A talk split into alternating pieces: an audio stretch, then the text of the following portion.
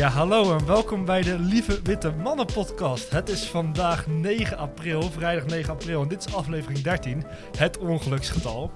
Maar ondanks al het ongeluk dat wij in deze aflevering hebben, hebben we ook één groot geluk.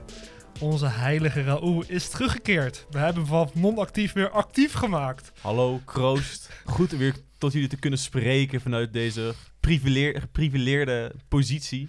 Ik heb mijn scriptie heb ik, eh, gedaan en eh, nu heb ik er tijd om hier mijn eh, hersenmassa aan te eh, verkwanselen. Prachtig om te horen. Kwanselen. En ik ben Juri trouwens. Ik En, ben eh, Krijn. Krijn is ook weer aanwezig, eh, zoals eh, standaard in de aflevering.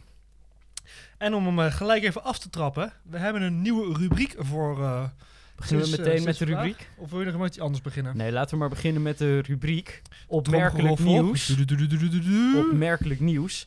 En eh, we hebben vandaag een artikel van nu.nl, eh, hoogstaand medium. En het artikel luidt... Duitse berg wederom opgeluisterd door houten penis. Nou, leg eens even uit, Krijn. Wat is daar aan de hand? Ja, de, de titel zegt het al. Er is ergens in Duitsland op een berg in eh Grunten... is een, eh, een houten penis, een beeld van twee meter neergezet.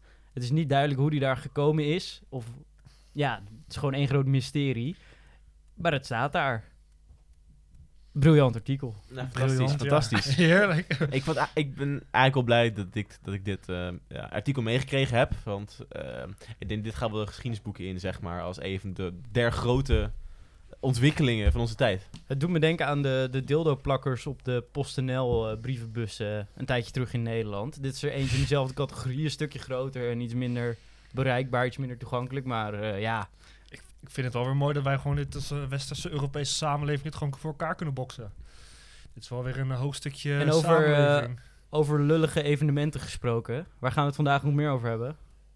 Ho, ho, maar eerst mag Raoul nog even met zijn opmerkelijke nieuwtje komen. Ja, Oh. ik kom ook bij Want eh, nieuwtje. hij ja, heeft mijn, ook iets gevonden. mijn nieuwtje is minder spectaculair, maar het is zeer relevant. Eh, de geme- ik zit laatst een beetje rond te kijken op ehm, de, de website van, van de gemeenteraad in Utrecht. En eh nou, er zat er gisteren een heel debat. Want wat blijkt dus, eh, de gemeente Utrecht heeft een ontzettend probleem met dat al die leuke projecten die ze aan het doen zijn, zij het op de, ehm, aan de, aan de eh, Amsterdam-Rijnkanaal, aan de nieuwe ontwikkelingen. Aan de Merwede-kanaal. Aan Merwede-kanaal, inderdaad, richting de Uithof. Eh, zijn grootste plannen zijn daar gemaakt voor nieuwe middenhuurontwikkelingen. En de gemeente wil het natuurlijk zo graag. Ehm, en dat is een ontzettend eh, fiasco aan het worden. Die, de, die, ehm, de huizenprijzen zijn nu bij het Merwede-kanaal kenbaar gemaakt. En die liggen 15% hoger dan ze afgesproken hadden, twee jaar geleden. Nee, eh, vier jaar geleden. Mhm. En de, en de gemeente kan er dus gewoon niks meer aan veranderen, zeg maar. En het is wel grappig om dat debat te volgen, want eh, er wordt ook heel veel gesproken over hoe belangrijk het is als de gemeente nou ja, een goede kader stelt, dat die bedrijven lekker kunnen gaan werken en dat ook liefst zo min, min mogelijk regels op gaan leggen. Nou ja, en dan zien we het al wat er gebeurt er weinig regels opgelegd worden. Die bedrijven die weten zich weer onderuit te rommelen. Wat bleek, een afspraak was het dachten dat die bindend was. Bleek dus een intentieverklaring te zijn van, eh, of officieel in ieder geval, van die, eh, eh, van die ontwikkelaar. En die kerel. En hun denken dus dat ze zich er lekker onder kunnen, Ja, kunnen lullig. Lullig. Ja, zeer lullig. Ja. En het is elkaar gezaak. Want het, is wel weer, dat is weer een van een lange traditie van projecten in Utrecht. Die, waar een handige investeerder eh, weer met eh, eh, goedkope grond aan de haal gaat. De Kanaaleiland ook, was, was het ook al het geval. Hè, al die flats die hier eh, gerenoveerd zijn, die eh, zijn opgekocht door een Arabische oliesjeik. En vervolgens in de vrije sector voor dikke winst weer verkocht. Zeker. Ik hoor het, het doet wat met je Raoul. Ja, maar ik denk dat dit wel weer een aantonend beeld is dat de marktwerking niet werkt eh, op de woningbouwmarkt. En daarmee eh, kunnen we dit mooie stukje Dat is, afsluiten. Zeker, eh, zeker, zeker. Deze prachtige conclusie. Hoezo eh, jumping drie, into conclusions? over maar ga verder, ga verder. Want we hebben een belangrijker we onderwerp vandaag. Maar dat waren eventjes... we gaan hier bij het, eh, het rubriekje afsluiten over het bizarre nieuwsfeitje van de week. En wij gaan dit eh, vaker doen. Maar laat vooral wat weten wat je hiervan vond. En of je dit interessant vindt, dat het volgende week terugkomt. Kan Ik ook doubt zo- it. We horen graag jullie reacties, lieve luisteraars. Maar we gaan door naar het belangrijke onderwerp van deze week. Sofagate. Of hoe... eh, dus Raoul, jij kwam hier mee. Leg me uit, wat, Ja, er, wat is nou precies aan de hand? Eh, voor mij is het het begin van deze week, was het geweest. Eh eh, ging, dan ging de, de, de, de eurocommissaris Eh, nee, de voorzitter van de Europese Commissie. De voorzitter en de, van de Europese en de Commissie, voorzitter van de Europese Raad. En de voorzitter van de Europese Raad, Charles Michel, die gingen met z'n tweeën op werkbezoek naar Erdogan in Ankara. Natuurlijk hartstikke gezellig. Maar wat bleek daar dus? Goeie is thee dat daar. Charles Michel, hè, de lul, die kreeg van zijn vriendje Erdogan wel een stoel aangeboden. En Ursula die moest maar gaan staan en om vervolgens plaats nemen op een, op een sofa verderop. Nou, een hele ruil. Helemaal gezeik. Eh, men ligt een rep en roer. eh, en dit legt blijkbaar een soort machtsstrijd eh, bloot tussen Charles Michel en Ursula van der Leyen binnen de Europese Unie. Wie is, nou eigenlijk echt de baas? Nee, maar of gaat dit over, Onze grote Dat- vriend Erdogan. over onze grote vriend Erdogan, die ook laatst uit een eh, verdrag van Istanbul is gestapt over de, over de rechten en de vrijheid van de vrouw. Wilt hij, wou hij hiermee een statement stellen naar de rest van de wereld en Europa? Vrouwen zijn minder waard en die horen thuis op de bank en die horen niet aan mijn zijde te zitten. Nu is de, informatie Dus- nog, de informatievoorziening nog schaars. eh, maar wij zijn niet eh, ziek van een beetje speculatie. Maar met weinig, weinig informatie kunnen wij er hoop van maken. ja, zeker. Ehm, nou, waarschijnlijk, eh, er is dus een verhaal dat Charles Michel het, ehm, het gedaan zou hebben, of in ieder geval bekokstoot zou hebben, gedeeltelijk. Ehm, eh, en dus eventueel foutieve informatie doorgespeeld had. Eh, want eh, bij het, bij het, zeg maar, ehm, de voorbereidingen van deze meeting was het niet toegestaan van protocolmedewerkers van Ursula van der Leyen om in de ruimte eerst eh, te bekijken hoe de situatie erbij stond. En daar, daarvoor te reden gegeven dat er beveiligingsvoorschriften waren. Ehm, en uiteindelijk, toen na dit, nou, dat embarrassing moment, zeg maar, de protocolmedewerkers er lucht van kregen, toen eh, hebben ze nog heel snel, hebben de, wisten de Turken voor het volgende eh fotomomentje, namelijk het e- de, de lunch met elkaar, eh, nog heel snel een, eh, een, een nieuwe stoel eh, erbij te schrijven die ook nou, precies dezelfde soort was, zeg maar. Anders had Ursula met het bord op schoot eh, studio voetbal. Blijkbaar, kijken blijkbaar. het, eh, Dus het probleem is niet dat, dat de Turken niet wilden of, of er tegenin waren of zo. Maar eh, er zit wel wat achter. Ehm, Maar blijven- wat zit erachter? Dat is de grote vraag. er is misschien wel een beetje een soort machtsstrijd gaande. Een beetje onduidelijkheid binnen eh, ehm, de Europese Unie. Het is natuurlijk onduidelijk, omdat het is een drie. Jury is, zoals je zei, het is een drie-eenheid eigenlijk. Wat dat vind ik heel interessant waar je nu op inhaakt, Raoom. Want het idee van de Europese Unie is, er zijn, het is een drie, le- drie leiders vormen één presidentschap van de Europese Unie, is het idee. Dus je hebt de voorzitter van de Europese Raad, de voorzitter van de Europese Commissie en de voorzitter van het Europees Parlement. Die drie samen, als drie-eenheid, zijn zij één, vormen zij één president van de Europese Unie, van de gehele Europese Unie. Dus het is altijd zo'n onderlinge machtsstrijd. Wie is nou echt de baas en Ja. waar gaat het nou echt om? Het is natuurlijk sowieso geweest dat eh, die, die, voorzitter van de Euro- Euro- Europese parlement is nooit heel erg aanwezig. Of mindere mate in ieder geval. Ja, maar ja, dat is zeker waar. Maar volgens de wetgeving en is het parlement ook, Ja. ook wel heel belangrijk. En daarom heeft hij ook weer, zou die een grotere rol moeten hebben. Maar dat ontbreekt vaak wel weer op grote toppen. Want dan Ze hebben effectief ook niks te zeggen, dat Nee. parlement. Nee, Maar ja, eh nou, Jean-Michel, die, hij is voorzitter van de... van de? Europese Raad. van de Raad. En de Raad is dan de Raad van de regeringsleiders. Ja, Eh, en zijn voorganger was eh, Donald Tusk natuurlijk. Ehm, en eh Ursula van der Leyen is, is voorzitter van de Europese Commissie. En dat is zeg maar de, het in- de interne ja, ministerschap, zeg maar. Mhm. college, ehm, eh, de, de, de regering, zeg maar. voorzitter van het Europese kabinet, zeg maar. Ja, het Europese kabinet inderdaad, met, die, met eigen commissarissen. eh, waaronder ook eh, Frans Timmermans. Frans Timmermans die erin zit. voor Ehm, en die is volgend jaar werd die nog eh, door ehm eh, hoe heet het? Die, die, onze, onze Luxemburgse Jean-Claude Juncker. ja, Frank Juncker was nog destijds de voorzitter daarvan. Ehm, ja, wat, blijkt, wat nu ziet is dat vorige keer was Donald Tusk een relatief aanwezige rol in, het, eh, in zijn situatie. Maar nu in de Europacrisis is, eh, is in de Europese eh, Raad, ze hebben vooral de regeringsleiders zelf hebben heel veel het voortouw genomen Uh-huh. zoals eh, Macron en, eh, en Merkel. Merkel. En Ursula van der Leyen als voorzitter van de Europese Commissie heeft ze ook veel eh, plannen duidelijk gemaakt en heeft zichzelf heel erg geprofileerd als leider van Europa en ook met die Europese onafhankelijke eh, strategie.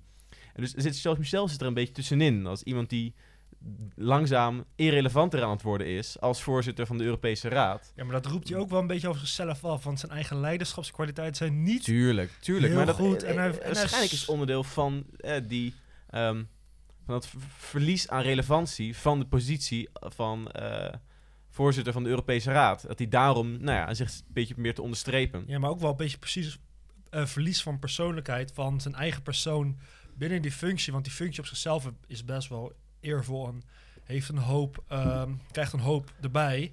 Maar hij verliest van zichzelf omdat hij weinig leiderschapskwaliteit van zichzelf heeft. Verliest een beetje de regie over Ja, maar de het is functie. natuurlijk sowieso eh, de En meest... dan kan dit een het is een, zijn. het is natuurlijk een heel... De rol van die, voor, eh, de voorzitter van de, Euro, van, de, van de Raad van Regeringsleiders is natuurlijk eh, heel erg eh, symbolisch vooral. Je bent een bruggenbouwer tussen die regeringsleiders. Maar nu die regeringsleiders het onder elkaar goed lijken te kunnen vinden, of in ieder geval in, in losse groepjes, zoals de Visegrad groep en de b- b- eh, Berlijn-Parijs-as, nu die Ja. onder elkaar een beetje bezig de zijn, vier. De Ja, precies. vier. is het, is, het niet, is het dan de voorzitter van de Europese Raad, eh, Raad van Regeringsleiders, is er niet zo, is er niet zo te doen eigenlijk, zeg maar. Zijn rol is uitgespeeld, zijn belang is niet zo aanwezig. Eh, ja, maar zijn hij, maar hij, hij, office loopt, is aanwezig. hij loopt ook overal mis bij de grote gesprekken. Als bijvoorbeeld Merkel en Macron met elkaar gaan bellen. Ja. Normaal zou je stellen, oké, je gooit hem er ook bij in het gesprek. Waarom zou je dat doen? Maar dat, dat was bij Tusk, waar die, Tusk werd veel meer meegenomen daarin, zeg maar, Ja, in zo'n precies. gesprekken. En hij, die, die Michel, die, hij- die jongen, die jongen komt er gewoon niet. De Ursula van der Tusk had ook wel meer overlap nog met Hollande. En ik, Macron en Merkel liggen elkaar heel erg. Ja, dat en is- Ja, Hollande en. Merkel, dat botsen denk Ja, ik maar je moet dus een bruggenbouwer meer, eh, zijn. Maar moet wel iets te, brug, moet wel iets te bouwen zijn natuurlijk. Ja. En Ja, als Ursula van der Leyen, elkaar aan ligt, Ja, dan die heeft toch wel meer macht, eh, zeg maar. Zij is voorzitter van de Europese Commissie. eh, en met die commissarissen kan ze ook echt wat. En, en ze presenteert zich ook steeds hebben. groter, want ze heeft allemaal grote plannen, komt ze mee. En zeker, zeker. Ze, ze presenteert heet het de nieuwe groene toekomst voor ja, Europa. Green Zit- New Deal en, en ook Europa als, als, als, onafhankelijk geostrategisch, eh, geostrategische entiteit. En daar presenteert zich, zij zichzelf heel erg als gezicht van. Maar misschien hebben de Turken er daarom wel gewoon op die bank gezet. Wie weet. Dat het zit eh, was. op de wissel. eh, Ja, ik denk dat ze namelijk liever hebben dat. Charles Michel als irrelevant sle- eh, eh, Slentermannetje weer eh, meer macht gaat hebben of zo. Maar ik, ik ben heel benieuwd wat, wat zeg maar eh, wat- de toekomst is van een positie zoals eh, voorzitter van de Raad van Regeringsleiders. Want dat is natuurlijk eigenlijk compleet. eh, het is van de Eerste Kamer, zeg maar. Maar alles wat de dus- Europese Raad gaat. even de recap. Raad van, Je denkt dat de rel dus echt totaal is tussen Michel en von der Leyen. ik denk dat er dus daar zie je conflict in zit en dat die Turken niet met heel veel opbedachte Nou, raden hier een grote wel, strategie in zitten hebben Ik- ik- gezeten hoor. Ik, Aan de kant, het is wel een dingetje dat je niet zomaar gaat vergeten. Zeg maar, ik, ik, ik denk echt wel dat het ook opgezet was door de Turken zelf. Om zeg maar, Erdogan als groot, sterke man, als een conservatief, een oude, lekkere vent. Die kon natuurlijk niet gefotografeerd worden naast zeg maar, de nieuwe Europese macht. Want Van der Leyen straalt wel een nieuwe macht uit. Van echt flink op duurzaamheid, flink op ongelijkheid staat ze voor. Ja, Turkije doet dan gewoon mee als je daarmee. en als eh, je daar mee gaat doen, dus dan is het veel, politiek gezien, veel leuker om het statement te maken van...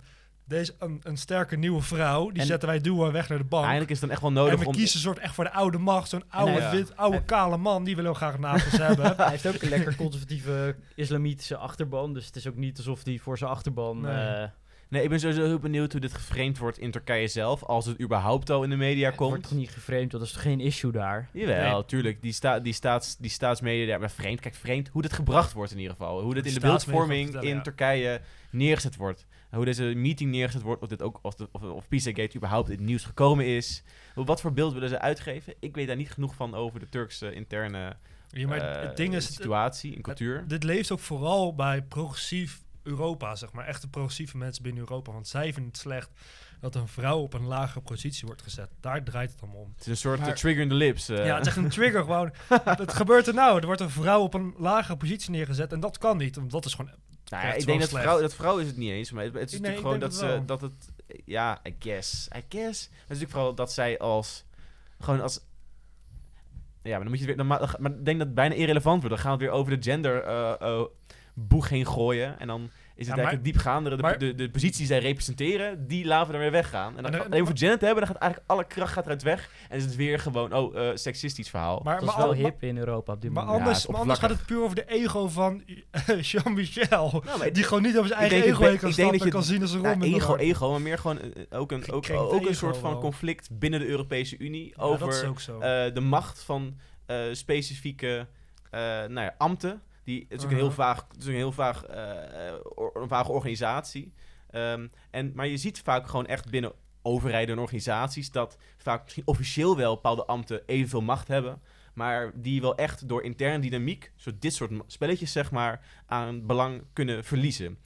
Jean-Michel als, eh, als voorzitter van de, Euro van de Raad van Regeringsleiders kan Aha. eigenlijk echt wel irrelevant worden als, zij dat, als hij dat laat gebeuren, zeg maar. Maar eh, mag ik ook een vraag stellen? Waar gingen ze over praten? Want als het thema's waren die puur over eh, eh, dingen waar Michel over moet praten met regeringsleiders gingen, dan is het ook niet zo raar dat ze op een lager plan staat bij die meeting. Ja, is zeker waar. Ze, wij hebben het gewoon over immigratie gehad en de 6 miljard euro die Turkije gaat krijgen van de Europese Ja. Unie om het eh, huidige in- in- in- immigratiebeleid zo te houden. En uit welk potje komt dat? Dat komt bij het Europese budget dan.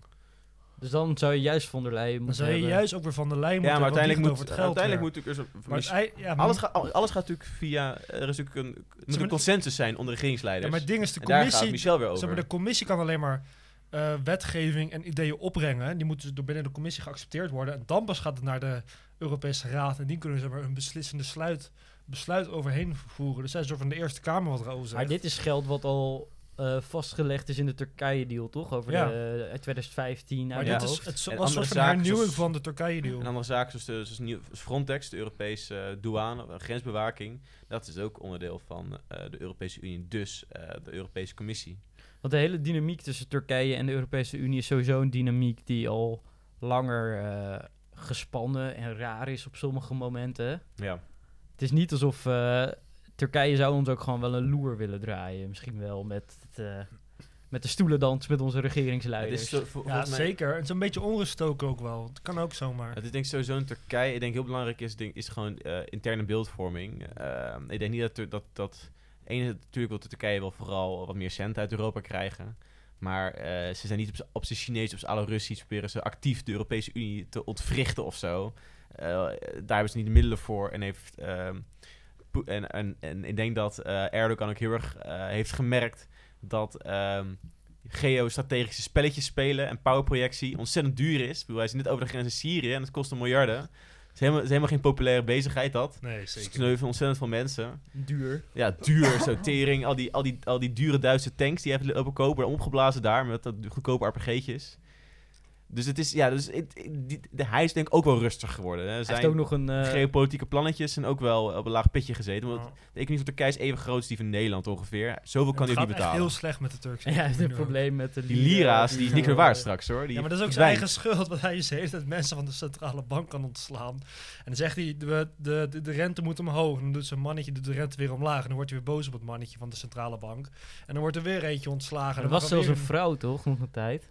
Ja, oh is- ja, dat hele verhaal. Hij, onderhoudt er inderdaad een, een eigen eh, econo- economische eh, theorie op na, die niet gevolgd wordt door eh, personeel in de centrale bank. Ja, hij dat wordt nogal lastig. Hij wil gewoon de rente laag houden, zodat de economie niet geheel vast, in zijn geheel vastloopt. Maar dat is niet goed voor de, voor de Turkse lira en zijn waarde. Dus, Nou ja, ja, precies. weet je, buitenlandse investeerders vluchten toch wel. Ja, inderdaad. En het probleem is ook heel, heel die economie, die economische groei van de laatste eh 20 jaar, 10 jaar vooral, die is gebaseerd op, eh, op, eh, op, project, op gewoon grote infrastructuurprojecten. En Bruggen, vastgoed. wegen, vastgoed, goed winkelcentra. bouwen.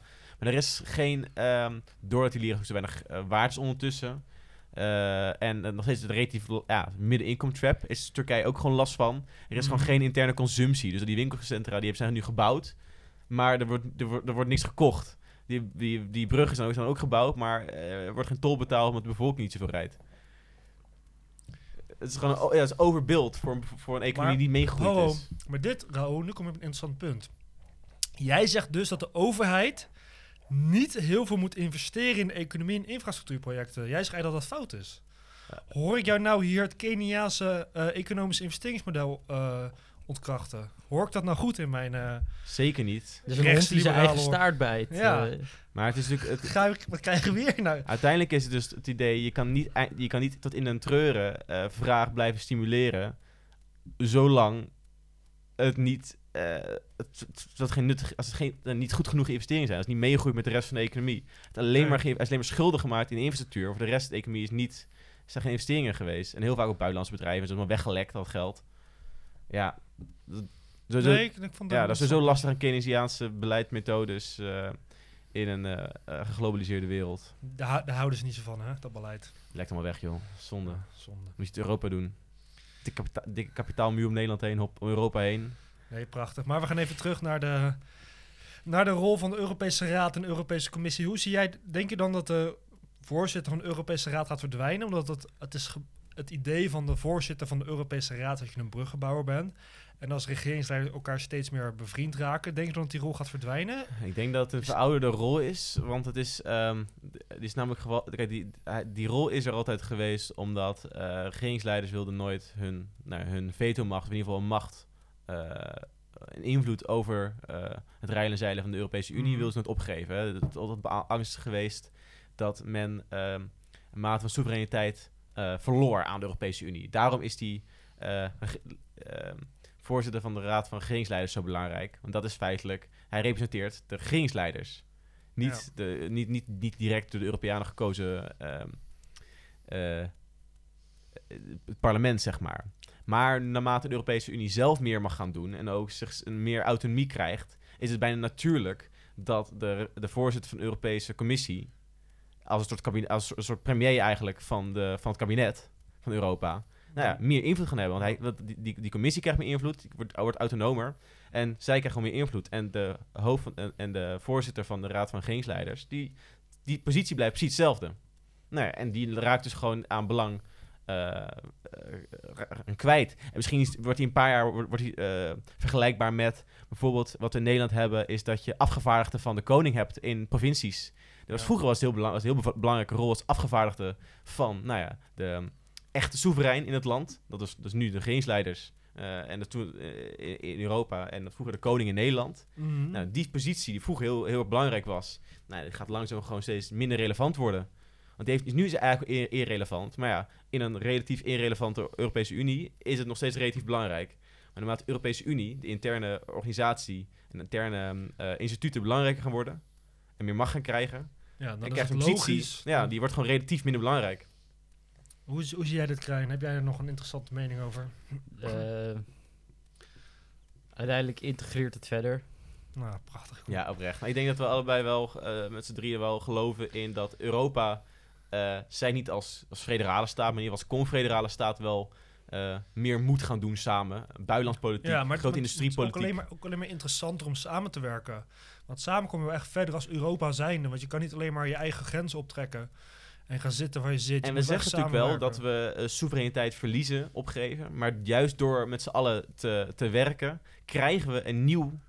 eh, een, een nieuwe, een extra mate van soevereiniteit. In onderdelen waar we vroeger gewoon geen macht aan hadden, überhaupt niet. Geopolitiek, als Nederland hadden we daar gewoon nooit invloed op. Hebben we er nu wel invloed op. Zij het een deel maar, een percentage.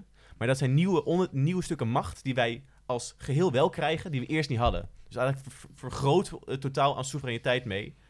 Dus de, de, de, de pij wordt groter, Ja, de markt, een stukje wat kleiner, maar de dat maakt markt niet uit. geeft ons, eh, de Europese markt geeft ons heel veel macht. Hier, Ja, dat kom ook. maar met ons meedoen. Dan mag jij je producten Ja, naar maar ook onze gigantische, Ja, welvarende markt ook als we brengen. geopolitiek en militair meer gaan samenwerken als democratisch geheel. Maar dat is niet onze grootste kracht. Daar hebben we veel meer. Daar hebben we veel, daar hebben Ja, we veel- dat is heel belangrijk, maar dat, dat had- die kracht hadden we gewoon niet als Nederland. We waren gewoon feitelijk een. een Ja. eh, maar, ook, maar ook als Nederland zouden we ook nooit die kracht hebben op de markt. nee, Want als Nederland kunnen we wel zeggen, kijk, er is dus een vervelend land en we zeggen, we willen jullie producten niet meer. Als, als je als Nederland alleen zegt, ja, wij vinden jullie je vervelend, het niet meer. 0%. Dan maak je niet zo heel veel invloed. Maar Als, als Ja, Europa of ze werden alsnog doorgevoerd via Hamburg en dan Ja, op de trein naar Nederland. ging het ook nergens. Maar als, als je als Europa zegt, wij willen bijvoorbeeld eh, geen, geen olie meer kopen uit Iran, want we vinden Iran vervelend omdat ze natuurlijk een, to- een atoomprogramma hebben. Dan gaat het via Turkije. Dan gaat het- dat werkt ook niet heel soepel. Maar als Europese Unie kan je daar veel meer mee afdwingen. En als Nederland heb je wat je zegt. Je hebt dan, kijk, tuurlijk, je bent als totaal, ben je, je hebt natuurlijk niet je eigen soevereiniteit meer, maar je hebt wel een grote stem, ook grotere invloed in het hele Europese beleid. Dus als Europa zijn, dan kan je best wel het Europese beleid sturen over hoe wij als grootmacht eh soevereiniteit en buitenlandpolitiek Het willen is een beetje als je een deelauto hebt. Ik kan wel zeuren dat je geen eigen auto hebt. Maar ja, anders had je nooit een auto gehad. En Ja. in ieder geval een deel, kan je in ieder geval af en toe gebruiken. Of, of je hebt een hele oude kik, eh krakkemikkige auto, of je deelt met z'n allen een Ferrari. En dan is de vraag, wat heb je liever? Uiteindelijk gaat iedereen sneller. Iedereen gaat sneller. Maar ja, hij is niet van jou. Oké, prima. Maar ja, eh, Je mag wel je, je, samen- wel een Ferrari. Je gaat veel sneller. En de auto die je eerst had stond 99% van de tijd stil. Dus ja, Zeker, ja. Dus dat werkt ook niet helemaal. Maar ik... ehm, Ik denk, maar ik denk dat, dat, dat dit wel de ontwikkeling is. Ik denk dat daar dus ook het conflict tussen Charles Michel en Ursula von der Leyen eigenlijk eh, diep, ge- eigenlijk denk ik wel dieper is van, eh, van aard. En die Mhm. nou, toch interne eh, strijd tussen ambten, die waarschijnlijk beslecht gaat worden. het nadeel van, de, van Jean-Michel. Ja, ja, Ehm, maar dat zullen we nog wel zien in de toekomst hoe dat gaat lopen. Eh, en in ieder geval eh, is het natuurlijk gewoon een zieke chat move van, eh, van Erdogan om gewoon geen stoel aan te bieden. Ik bedoel, en dan gewoon in de schoenen van Jean-Michel te Ja. schuiven. Zo van, dit is jouw probleem. dat kan ook gewoon. En nu is het jullie probleem. dat je Ja, er heerlijk ging zitten. Dat kan ook zomaar zijn, maar dat, ja, dat weten we niet. Maar ik denk dat we hierbij de podcast kunnen afronden. Ik dank jullie eh, beiden voor het deelnemen aan dit mooie gesprek. En ik eh, wil hierbij ook de luisteraar bedanken voor het eh, luisteren naar onze aflevering. Eh, to- en tot de volgende aflevering. En tot ziens. Tot ziens.